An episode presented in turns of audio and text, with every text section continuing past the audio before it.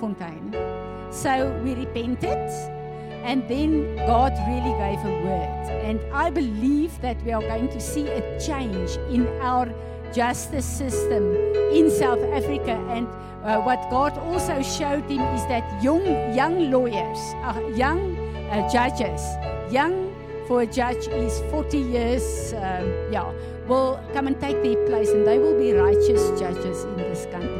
So we are so grateful. God really moved uh, in that um, uh, uh, capital city of the Free State in a wonderful way. And we are very excited for what God released there through the prophetic. And uh, I know that there's uh, uh, really going to, to be a shift. so we are just having two sessions today. We will have a tea break in between. And then tomorrow uh, we will have a nice Free State braai with Apostle Tim. we need to fill his, his, his um, uh, meat tummy before he moves back to America. So we will just have a wonderful time with him. And uh, I am so looking forward to tomorrow afternoon. And I just want to correct the time, please. Uh, we gather once a month with the farmers, and I'm so glad it's Sunday because traditionally they don't plant on a Sunday. Is that right, Sarah? and they will uh, have no excuse to be here at five o'clock, not four o'clock. And I believe that the, God, that the Lord is going to release uh, a word through Apostle. Um, thanks for receiving me back so quickly. We were just here six weeks or so. Um, as I've been telling everybody when we traveling, some of you ladies were here that day. I was on my way to Hawaii. I had a ministry trip in Hawaii. I was going to do a prophetic school palm trees and the warm air and everything. And and uh, so I was excited, and we were going to go to Japan and minister there as well. And just could not get any peace. We couldn't arrange it. And then the Lord said, "Because you're supposed to be in South Africa." And so I said, and then I said, "But Lord, Hawaii, you know, it's." It's like the glory, you know. And he just said no, South Africa, and and I had to make arrangements within like days, and everything, just like that, uh, came about, and uh, we are, we're here. And now this is Hawaii to me. All right, I'm I'm in Hawaii. I'm I'm I'm getting the glory here, and uh, I love this nation. You know that. Uh, I don't know what it is. I I feel like I can minister easier here, better here. I think it's because all my demons back home stayed and uh, they, they didn't come and the demons here aren't too they don't know me well enough yet but eventually they will be. But um, i just want to thank you for guys that, that y'all follow us and follow our ministry on the podcast and the youtube and everything that we do. Um, i encourage you on this series we started all the way back in june. So if you're doing the podcast you're to you can go all the way back to June and, and watch our daily bod- podcast and catch up on that if you'd like, or just replay it. You know, um, sometimes I get I feel so anointed when we're doing it. I have to go back and listen and see what happened. You know, that's what you want to do. You want to walk in that. And I feel like we're here. We are here for a time such as this, because South Africa is in a critical moment. I want to say this from the time of September when I was here and now, there has been a progress movement toward the good I just want to say that in the spirit realm, in the spirit realm, there has been. We've got to activate all uh, spiritual tools that God has given us for this to happen. And one of the things we want to deal with, and you're dealing with too in, in the series, is the spirit of poverty. I don't know of a continent in the world that is bound more by this spirit than this continent. Uh, I know India and, and, and China will give you a run for your money. but it is because it is so institutionalized here. It's not just here, it's it's in the institution. It's it's it's all the way through every form of life here that people feel in their souls that they cannot have what they know they should have and what is available. And they feel like it's unattainable. So they live for the moment and not for the lifetime. Does that make sense? And so, look, know, I can't think of the future. I've got to live today. And we're not building. And this continent struggles with that. That's why it's the, probably the, one of the oldest continents in the world, and it's one of the most underdeveloped because n- the vision for the future is not on the continent. It's, it's here in South Africa. I feel like South Africa carries the weight for the continent as far as having vision for the future and what God wants to do. And so I feel like y'all are going to be key in breaking this spirit off the continent, not just off yourselves. I think that's wonderful, but I think when you can do it for a whole continent, why not, right? The Bible, that's what we're called to do, disciple the nations. You know, when we was in Bloemfontein, we had all those Afrikaan guys, and eventually by the end of the meeting, they were amening because I shamed them into it, all right? So I want to hear some amens every once in a while, all right?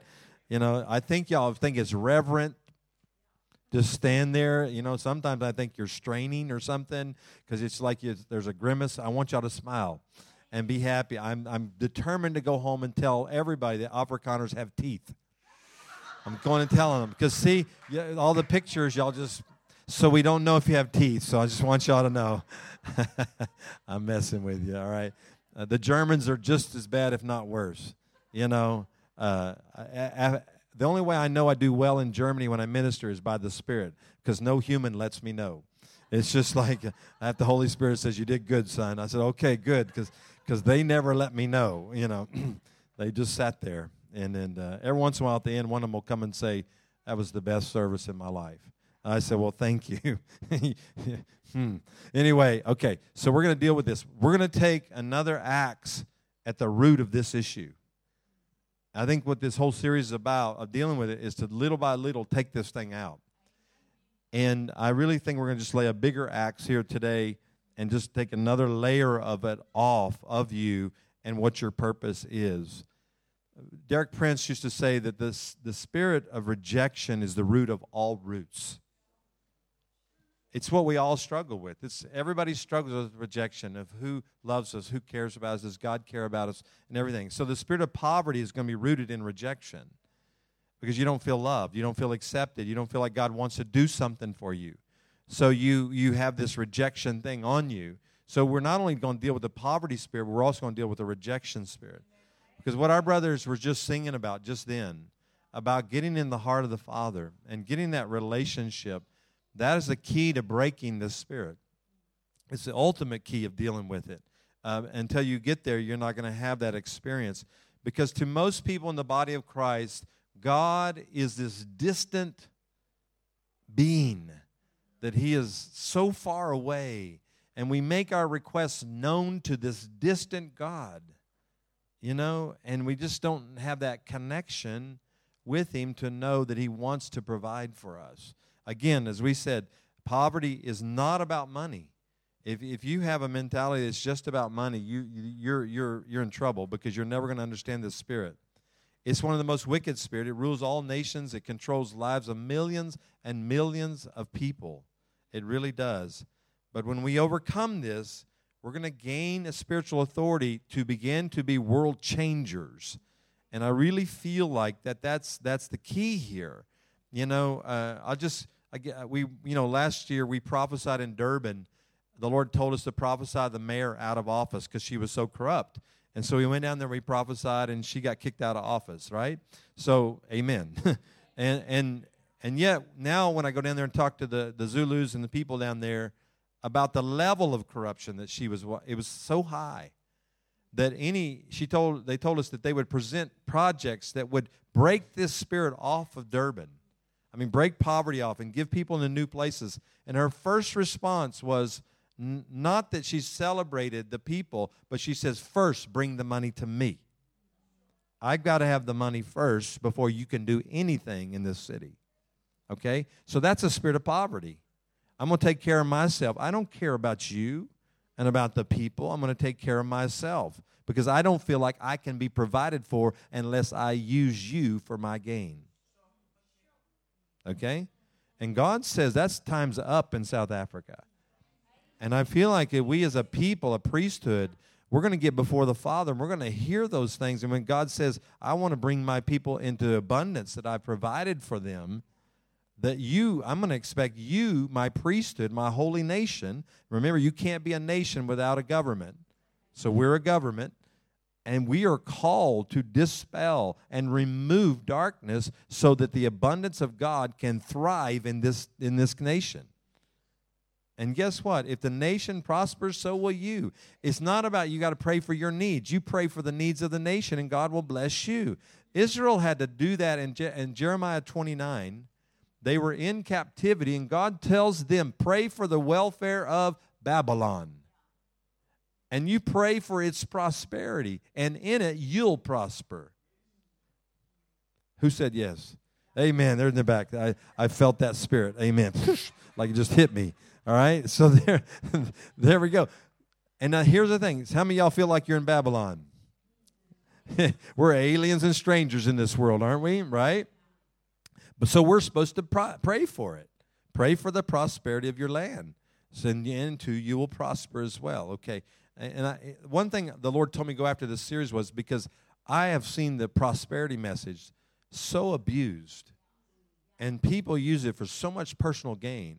And I said, Lord, we need a balance. And I didn't want to teach because I was afraid it was going to get numbered among them. But I thought if somebody didn't go in there, then they're going to keep thriving with that false message. So we have to get in there and say, no, this is truth. And this is what God is saying. One of the definitions, and y'all probably have heard this, but one of the definitions of this spirit, is the spirit of poverty is a stronghold established for the purpose of keeping you or keeping us from walking in the fullness of the victory gained for us at the cross or the blessing of our inheritance in Christ. That didn't have anything to do with money, did it?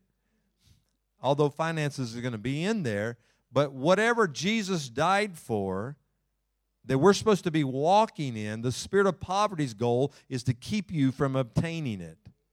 Your inheritance, everything that so we see that in Deuteronomy 28. Go read that chapter. And you'll see all the manifestations. But one of the greatest descriptions of poverty in that chapter, it says that they were hungry, Israel, hungry, thirsty, naked, and need of and in need of all things. That's the description of poverty hungry, thirsty, naked, and in need of all things. That's absolute poverty.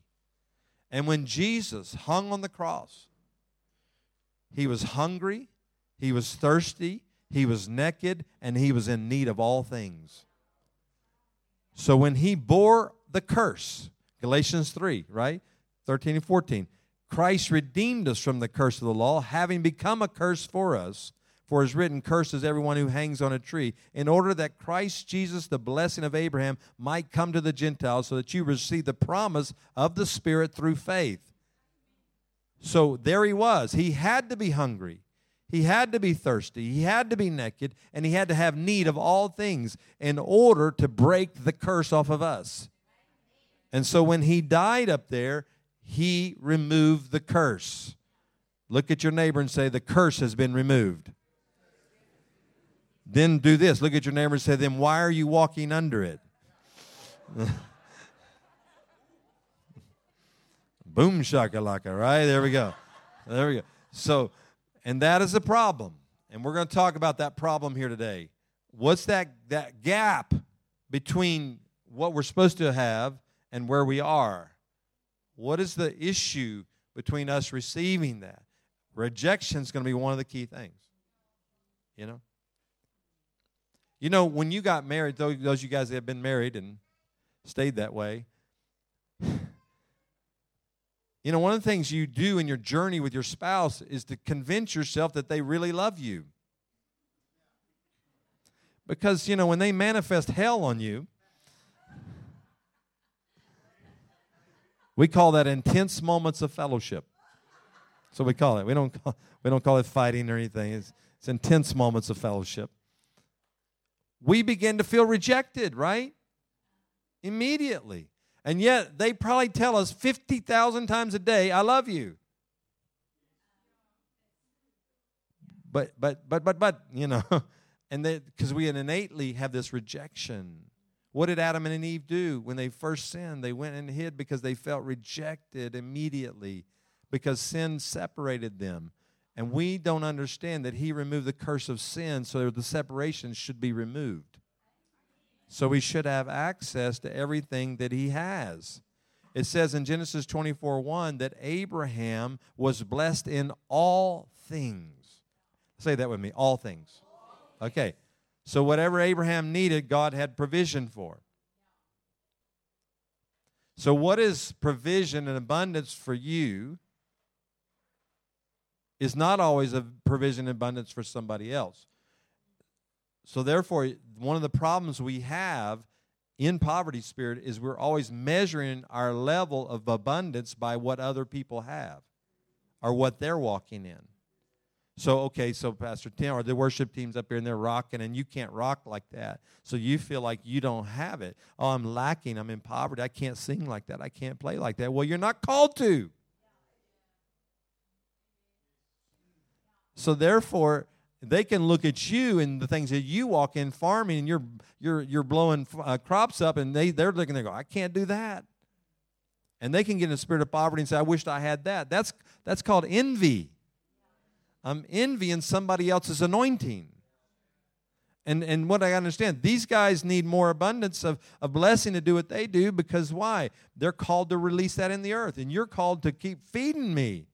And let me, I've already gained like five to seven pounds since I've been here. Oh my God. Every time I turn around, food's going in my mouth.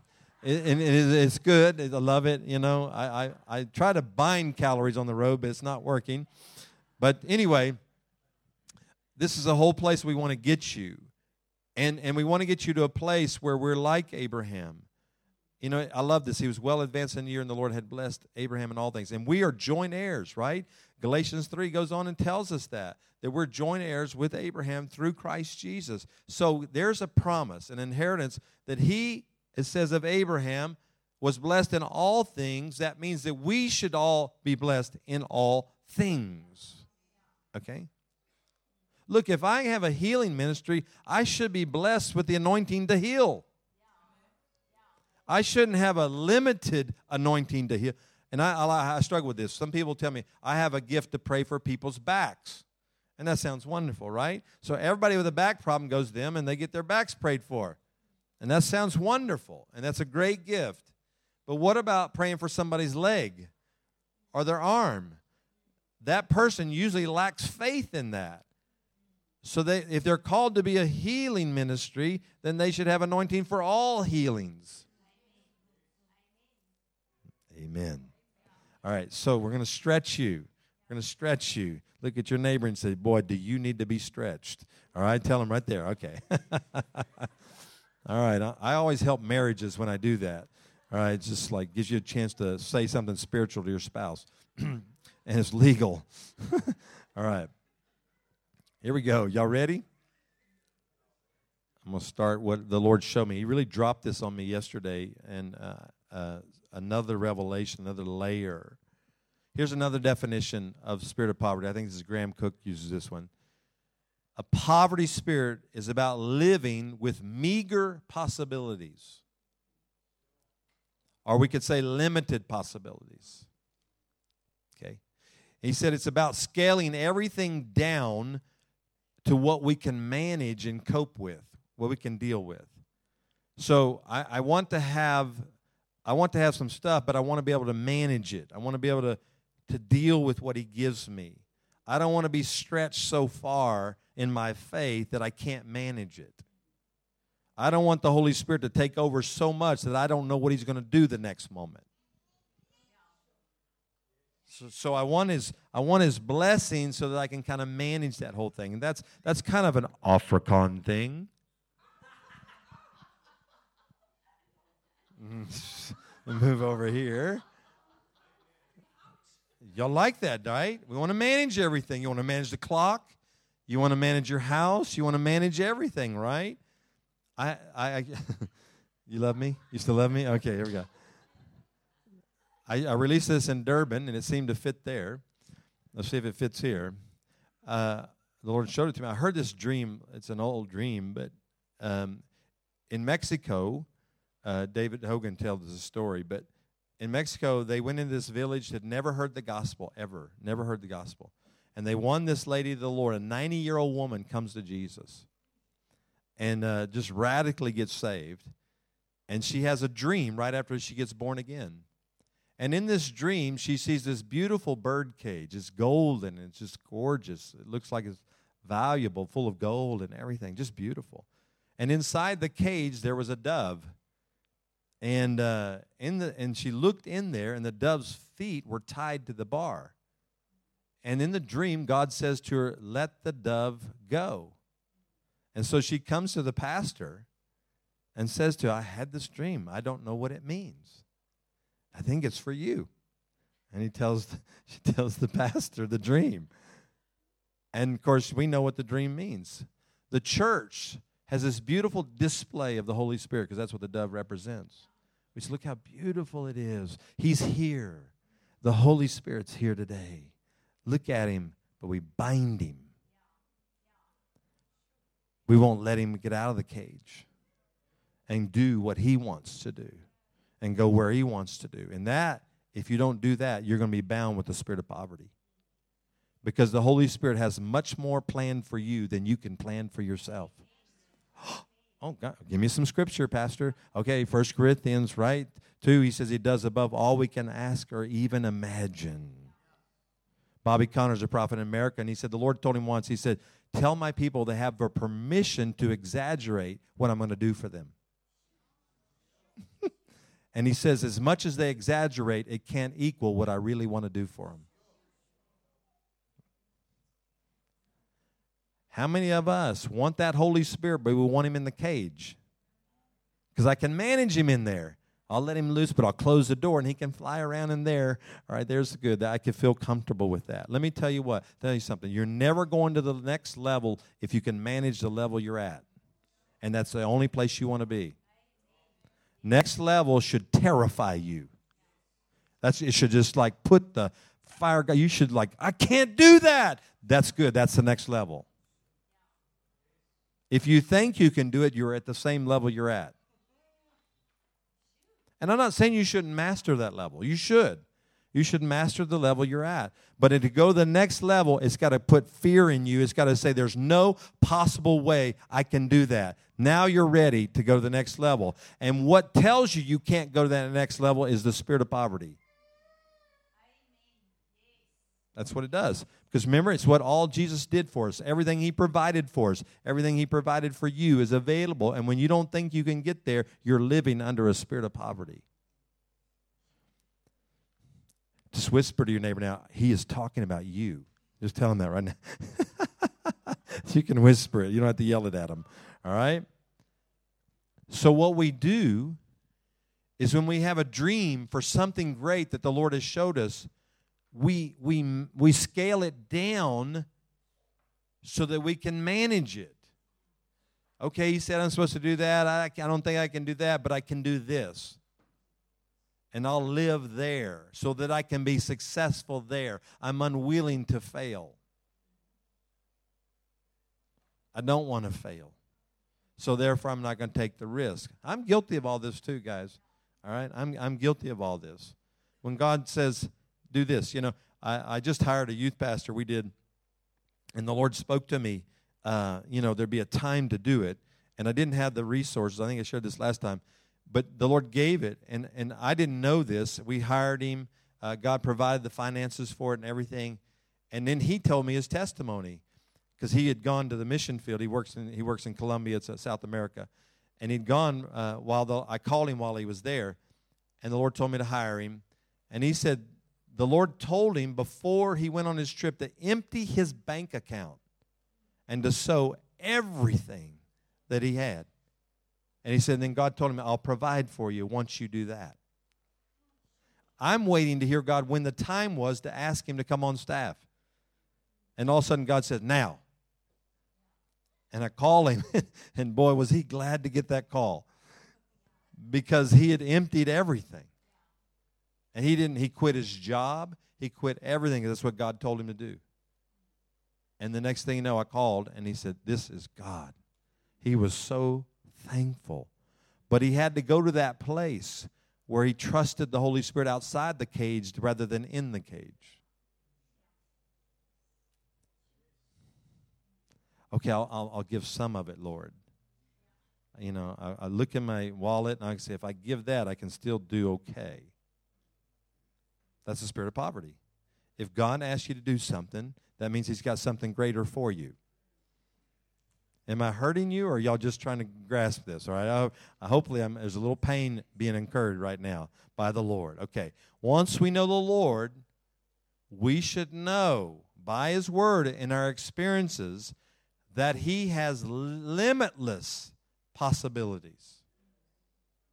If you don't know God like that, then you're not in that relationship deep enough yet that you know all things are possible. See, that's a theory we hear our preachers preach, but we don't always believe it. Yeah, I, yeah, I know he can, but let's get real. He's not going to do that. You know, God's not going to give us those acres over there. There's those people are not going to hack those. They're not going to give those things up. So let's ask for one acre or one hectare. Y'all call them hectares. You know, whatever. Are y'all, uh, y'all okay? All right.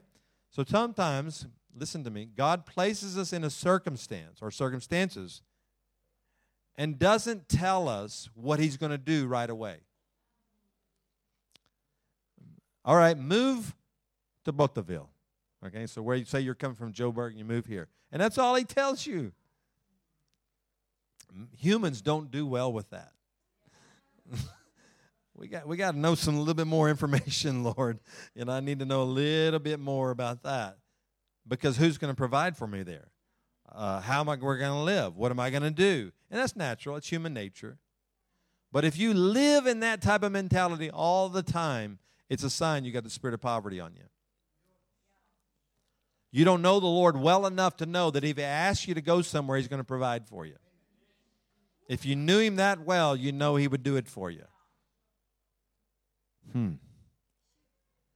I'm getting convicted. I probably ought to have an altar call right now. Just say, Jesus, forgive me. All right. I, I understand that. So, in our relationship with God, He allows these moments to expand our revelation of Him and that we would meditate on His greatness and His abundance and His limitless possibilities. Okay, let me explain. This is, if you don't remember anything else from today, pay attention for the next five minutes. He will many times in these moments be silent when he asks you to go to the next level, to move out of this spirit. He'll be silent. And the silence is so that you'll find a place to worship him in your complete lack of understanding of how the circumstances are going to come out for good and how he can turn every circumstance for good. So there's a moment there, a silence from God. He says, You're going to go over here and you're going to accomplish this. And, he get, and, and, then he doesn't tell you any more. Okay, these guys, I'll use these guys. Last night we were talking about it. They feel like they're called to, to schools and, and begin to travel and so forth. Okay, so God's telling them that. Now they don't know how those doors are all going to open and how they're going to get in there. They have ideas, maybe this and that. I Got a few contacts here but they don't know exactly how it is. Okay, so then God says, That's it. That's all I'm telling you.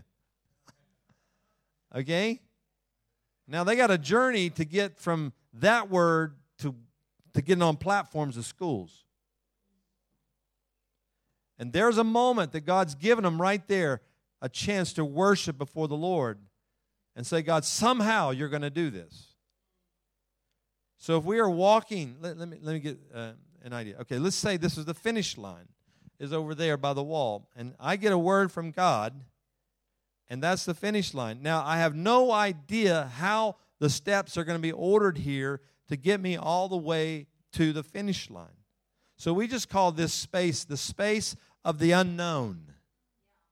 We don't know what that space is. And, we don't know what, what's going to happen there. God desires us, though. Now, now, to look at the space, the distance between us and our promise, and to look at that gap, and He wants us to worship that space. Now, let me explain this to you. Because in that space is God's possibilities and His provision and His supernatural and his healing and his prosperity and everything that he is is in that empty space. But what we do is we panic. We don't see God in the empty space. we see obstacles, we see lack, we see problems, we see issues. And so we're, God, please, you know, I don't see how we can do it. And God says, I want you to look in the space of who I am and what I can do, and I want you to worship me in this space. In the gap. Now, I, am an utter rebellion person. I'll just confess my own sin. My utter rebellion of, writing books. I'm in utter rebellion. because I have all these excuses in that space. Okay, God, I don't have time. Um, I, you know, I, am so scattered. I, am traveling. I, I, I, got so much going on at ministry. I got, and I got all these excuses. And so I'm worshiping my lack. And I'm not worshiping his provision. Because my book is in the gap, in the distance between me and my finish line. The provision is there. The time is there. The motivation is there. Eh, because that's what he died for to give me all that stuff. And so, what I got to do is start worshiping Him. In the waiting, there's a song called out, In the Waiting, right? And it's something like that. And I need to worship Him, but what I am worshiping is my poverty. And that what you worship, you walk in. Okay? So I've got to get this. Okay, so now, and so we're down in, in Bloemfontein, and some crazy African prophet who needs to get right with Jesus tells, tells Franzi that I'm supposed to write a book. Okay. So I said, I said, shh, I don't want to hear it. I don't want to hear it. I, I went over and got my food. I just walked away and went and got my food, feeding this flesh and not my spirit. All right? So then we're sitting at dinner and a phone rings for Andre and he said, Hey, this brother wants to talk to you. And it's that, that guy again. I thought I was free because Francie dropped it. He said, I saw you write a book. I said, Okay. And then he gives me the title of the book. I'm not laughing, all right? It's not, I don't think it's funny. And it, it, was it was weird. I won't tell you the title because when it becomes a bestseller, I don't want y'all to tell anybody. All right. but it was an unusual title. It wasn't really like quote on my radar. And then I went to the room that night in, in utter sin because I've been worshiping the poverty, the lack, and not worshiping the provision. I didn't know what I should do, how what I should write about some of it and now the guy, God gives me the title. See, that was in the gap. That was over here. And I couldn't see it because I was worshiping what I didn't have rather than what he has. Are y'all getting, you getting this? And so then he gave me the song, and I thought, oh, the, the, the name. And I remembered that's a, that's a message I used to preach all the time because I had this incredible encounter with the Lord supernaturally concerning the topic that He gave me. Now I'm really messed up, you know, because now what we call responsibility comes, right? And remember, I, we talked about we want what we can manage. I like to manage my responsibility to where at least I think God's pleased with me. But without faith, we don't please God. If we don't stretch ourselves, we don't please God. Did you know that rejection is a sin?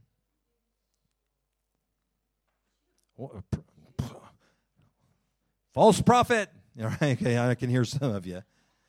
Unbelief is a sin, correct? And when you don't believe Jesus, Jesus loves you fully and will give you everything that you have need of, you're in sin. And that you feel he rejects you when you are in you know depression and you feel like nobody loves me nobody cares about me nobody wants to notice who i am and so what do you do you go into that pit and jesus is sitting there and saying i died for you i fully accept you how can you feel the spirit of rejection when you have jesus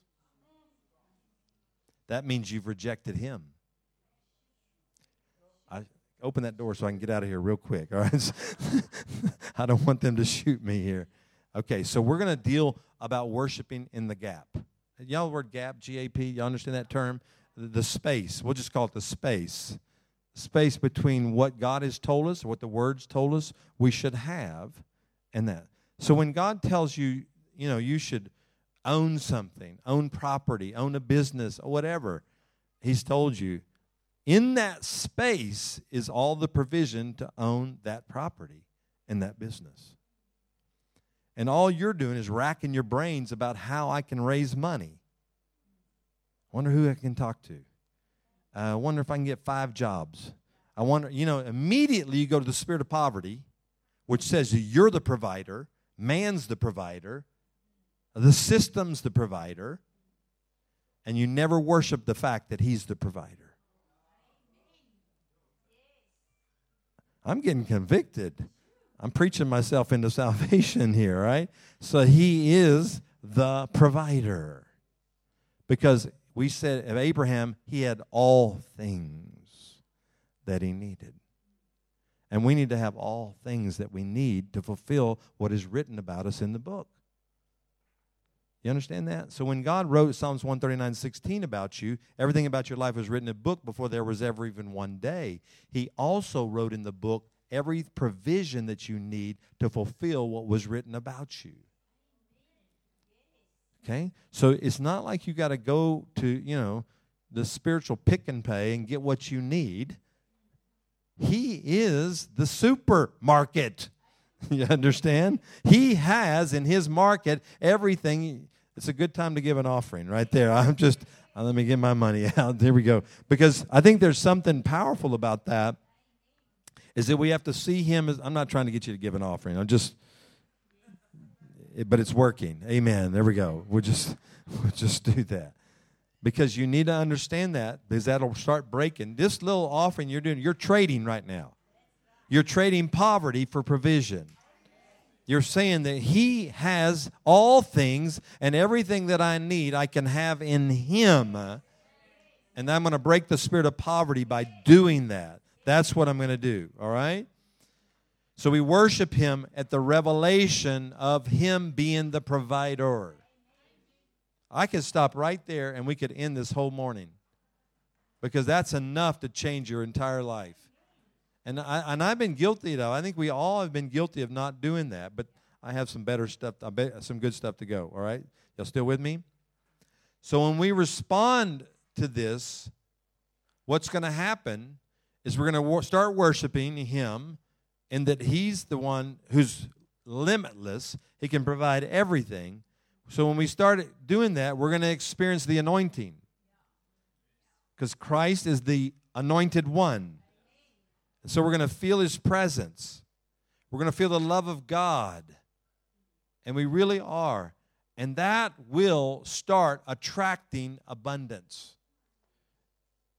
Because God says, okay, good. My kids are not looking to humans for strength. It says in Jeremiah 17, cursed is the man who looks to man for strength. So if you think you got to talk to the right person, the right place, you got to have the right, you know, uh, positioning to get what you're called to have, then you have put man as your strength. And he says you're cursed. That's the curse of poverty. So now I'm worshiping Him. I'm in the place of worship here, and I'm feeling His presence. And God the Father saying, ah, my kids are getting it. Man, they're not looking to any human entity, they're looking to me. They're looking to what I did on the cross. They're saying, now my, now my death and my resurrection was worth it. They're getting it. And then what it does, abundance. Jesus, if we if we could see Jesus over here, you know, he's is it all right? I'm a, he just he says, okay, angels of abundance, hurry, get over here quickly, over here. Uh, you guys that own the land, you're over the land, get over here. You guys that are called for ministry, get over here. See my kids? They see what I did. Now start moving for them. Get over there. Start moving things around for them. Move circumstances for them. Start moving that thing. As long as they're looking to me, I can. I, I I'm going to give them everything that they have need of. But now we get over here and we look to man. And all of a sudden, uh, you know, the Lord says, tell the angels, whoa, whoa, whoa, come back, come back, come back. They changed their mind. They, they went ahead and looked to man again. We'll wait. We'll just wait a while. They'll come back. And now you're in delay. God's delaying. The devil's coming. The warfare is Satan's just binding me up. Everything I'm going after, Satan's just tearing apart. And Satan's over there going, Yeah, give me victory. Thank you. Give me honor. I didn't have anything to do with it. That was all you. But I'll take credit for it. And I'll send my demons because you believe it's me. So now I'll start tormenting your mind.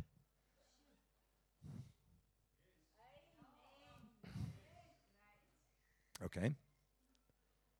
So we'll attract abundance. I remember when I was in Bible college, one of our professors told me, he said, he, all the, we were all guys in there. He says, You guys, y'all want a good looking woman to marry? Everybody, yeah. He said, Get anointed, it'll draw them. so, what he said. I, I don't know if he's very biblical, but it was it was for a bunch of single guys that are just like, yeah, come on, man, come on, that'll work.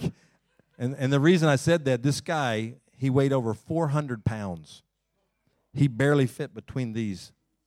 And he was a minister, had such anointing. When he ministered, he said women would flock to him because they, they wanted the anointing so bad. Now, that's perversion.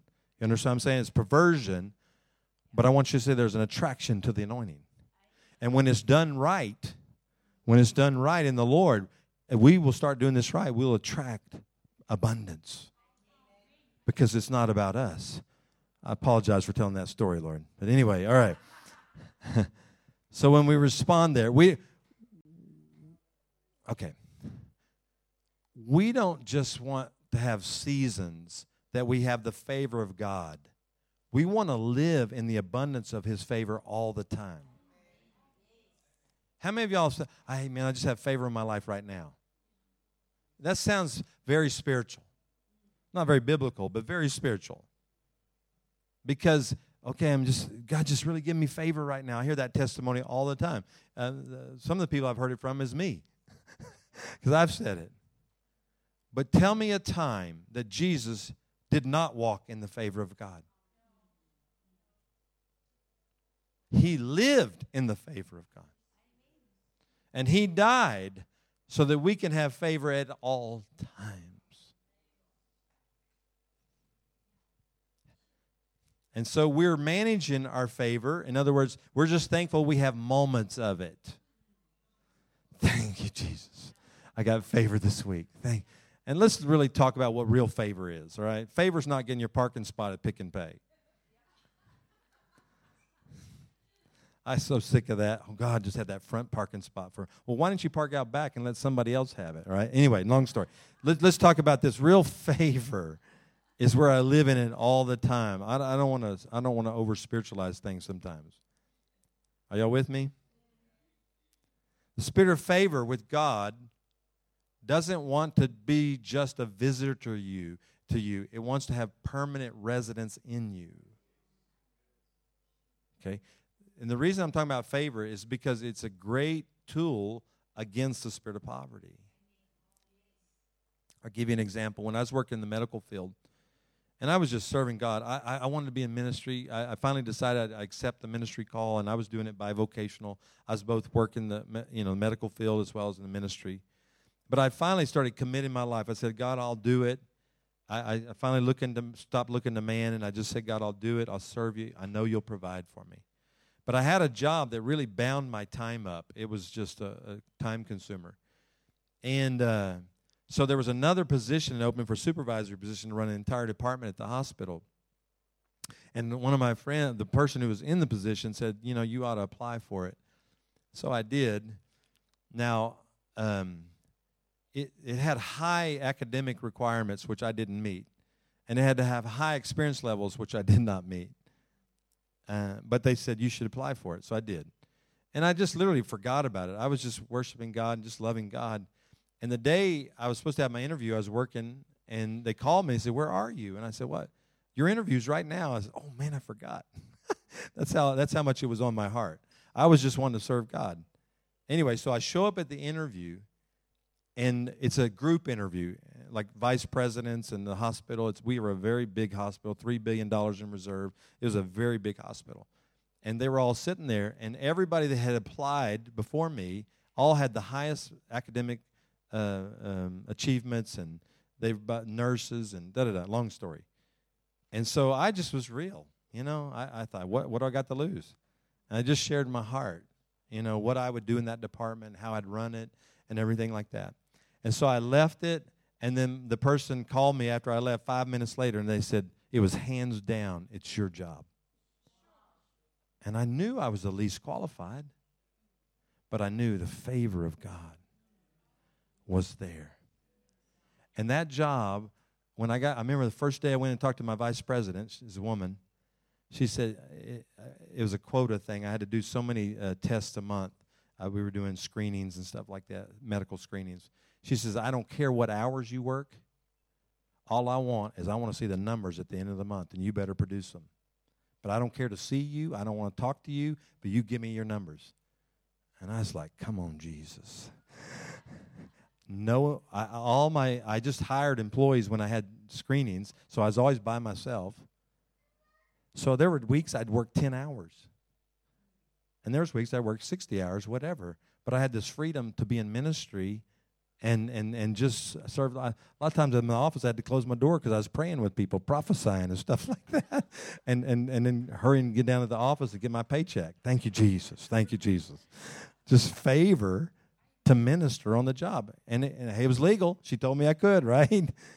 And so I produced my numbers every month, and I realized it was just a favor of God, and I was living in that favor. And then it was a few months later I got into ministry, went full time in ministry. So I want you to get there that broke the spirit of poverty off of me. It, was, it started dealing with some things in my life to say that God, you had, you were in the gap. You were in that place. Provision was there. Proverbs 3 4 says, And so find favor and high esteem in the sight of God and man. And here's the church the church seeks favor with man, and hopefully with man, they say God did it. So I work my boss. I, I push him. You know, I, I, I, I do the things I need to do to try to get his favor. If I do this and this and this, I may get a raise. If I do this and this and this, I'll get an opportunity. And guess what? That is not attracting abundance. And then, you know, a lot of times the devil will give you that promotion, give you wealth, and you'll have the spirit of poverty on you and you'll be wealthy because you did it in yourself and you didn't do it in the Lord. And there's no peace in it. There's no joy in it because you knew. let me tell you, anything you start in the flesh, you got to maintain in the flesh. you do. When you start in the spirit, the Holy Spirit's responsible to maintain it. So when He tells you to go do this, you do it, guess what? He's got to give you the energy, the power, the strength, the possibilities, the provision to accomplish it. You don't have anything on you to make it happen. You know, there, there are times I've showed up to minister and didn't have anything, and the Holy Spirit said, Don't worry, I got it. I said, Good, because I don't have it. and I think we should live in that place where we trust the Holy Spirit like that. Are y- y'all okay? All right. What time do you want to break? 10 minutes. Okay. Give me 10 minutes here. So we need favor in our lives to stay. Everybody say stay. So let's say this I want favor to stay in my life. I invite favor to be a resident in this temple. I don't want you just to visit. I want you to live here. In Jesus' name. All right. So now we made an invitation. All right. So what do you do when the invitation? Somebody needs to answer the visitation. I mean invitation. And the Holy Spirit is the one that has to answer that. Okay? So we needed to stay there. This is, this is what it means. This is what that means to abide in Christ and He in you. Okay? When we learn to stay and learn to dwell in the presence of Christ, then what happens? We live in a continual abundance of Christ and we break the spirit of poverty that way. Okay, so here we are. We're back to our gap here. This is what God's told me. This is where I'm supposed to be. I'm going to worship in the gap. I'm going to worship here because all of a sudden around here I start reading the scriptures of, uh, and the stories in the Bible how God provided. Uh, in this place, I hear testimonies of what God has done. Yes. And in this, I, I, see how Jesus raised the dead, how he did all this stuff. And I'm worshiping. Oh, God, you're an awesome God. Look at all the things you've done. Look at all the things you're doing. And I'm worshiping, and I'm not focusing one bit on what I don't have. I'm focusing on everything that he does have. So I'm worshiping in that place right there. That's called abiding. I'm dwelling with him.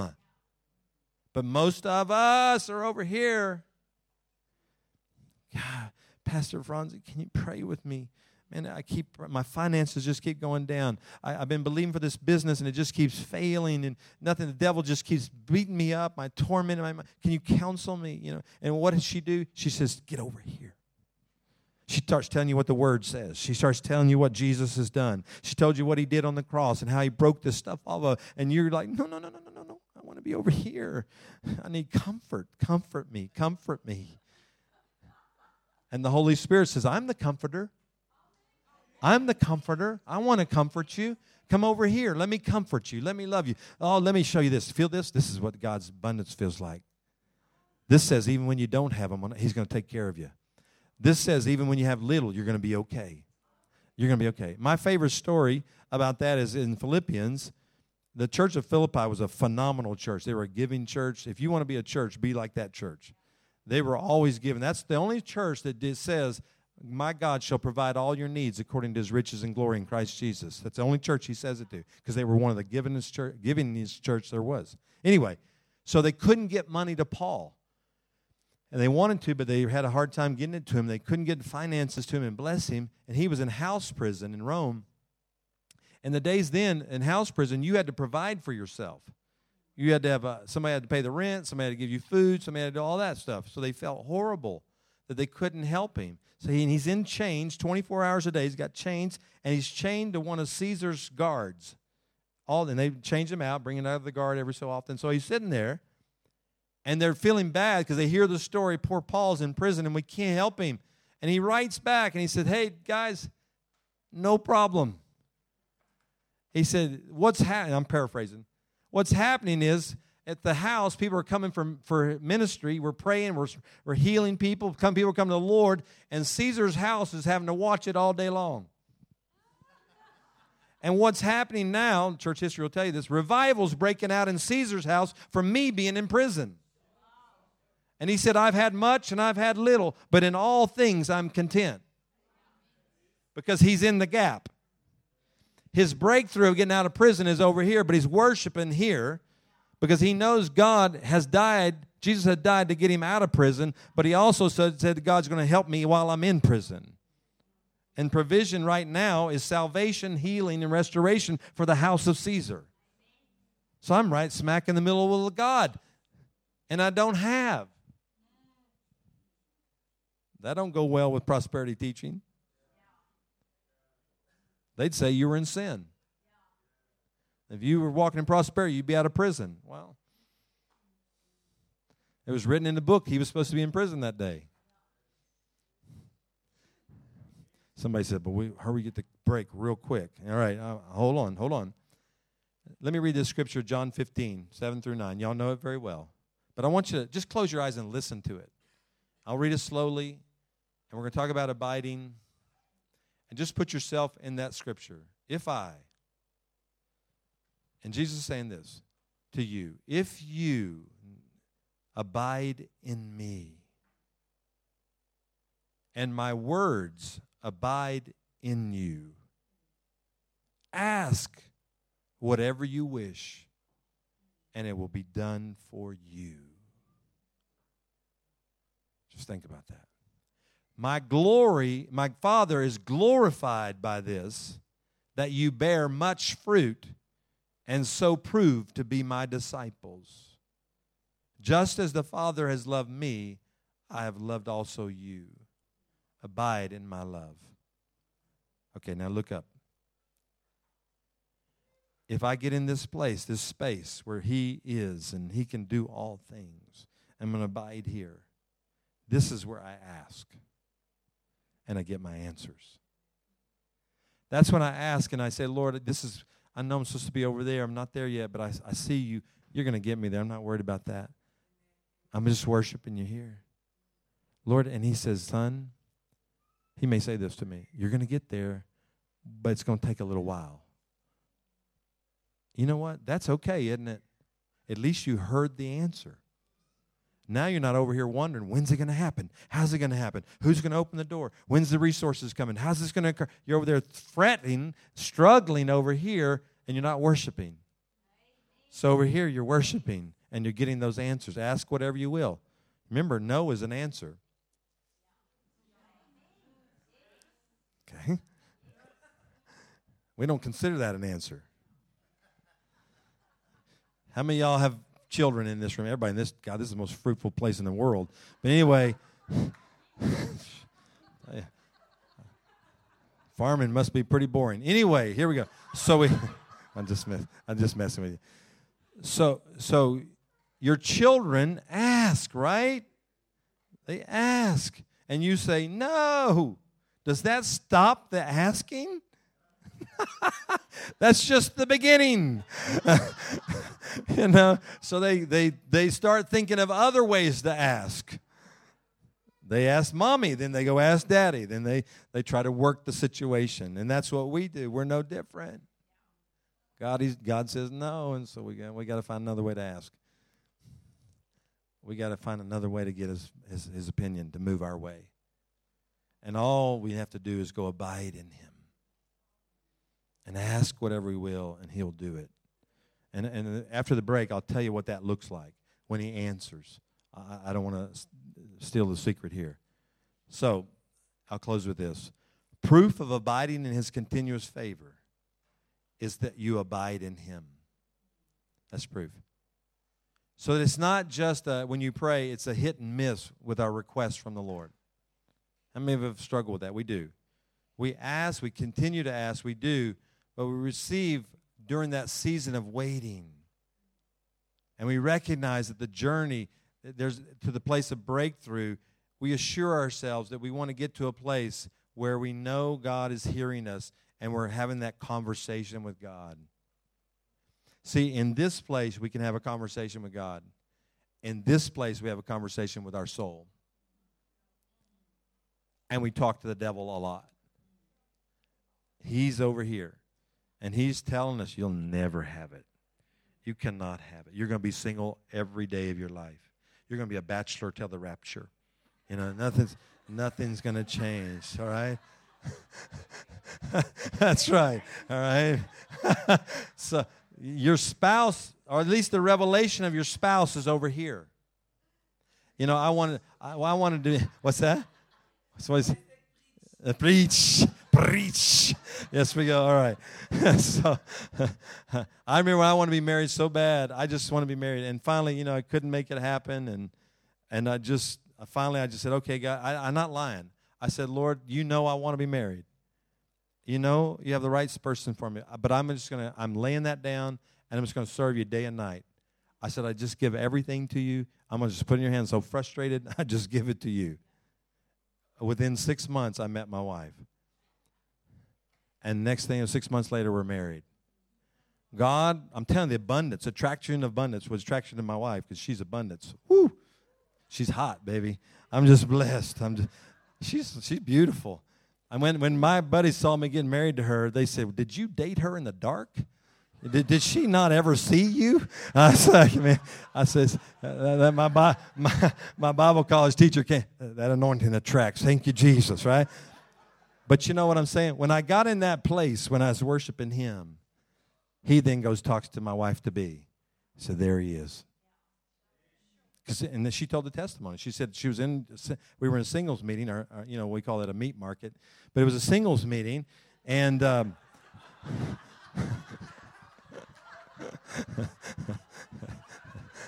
hold on. And she said, at the end, the, the pastor asked me to close in prayer. And she said, and as I close in prayer, the Holy Spirit said to her, That's your husband. You see, you get in that place, you attract the abundance. See, you know, you look it on the internet, you know, walking the mall, doing whatever you're doing, trying to find that person. looking at your telephone and saying, Jesus, make them call us. Call me right now. You know, whatever. You're not attracting abundance. You're going to attract something, but it's not abundance. The devil's going to say, Ooh, they want this. Let me send them that. And, and they'll think that's that answer to prayer. Then you're over here going for counseling because you're getting divorced. Boom, shakalaka. There we go. All right, there we go. All right, we're going to close right there. Father, help these people. help all the single people, Lord. Amen. yeah. Bring them in, Lord. Amen. Uh, uh, I, I love the kingdom. Father, I just pray right now as we walk through this message and this truth that, Lord, you just help us in this gap, in the waiting, in the waiting, in this place, that we'd wait on you and be renewed in you, for to break this spirit. Lord, give us time to just rest and, and just meditate on this truth so we can get free. In Jesus' name, everybody say amen. All right. Bathrooms are here. I heard that in Afrikaans. Uh, there's coffee back there. I heard that. Uh,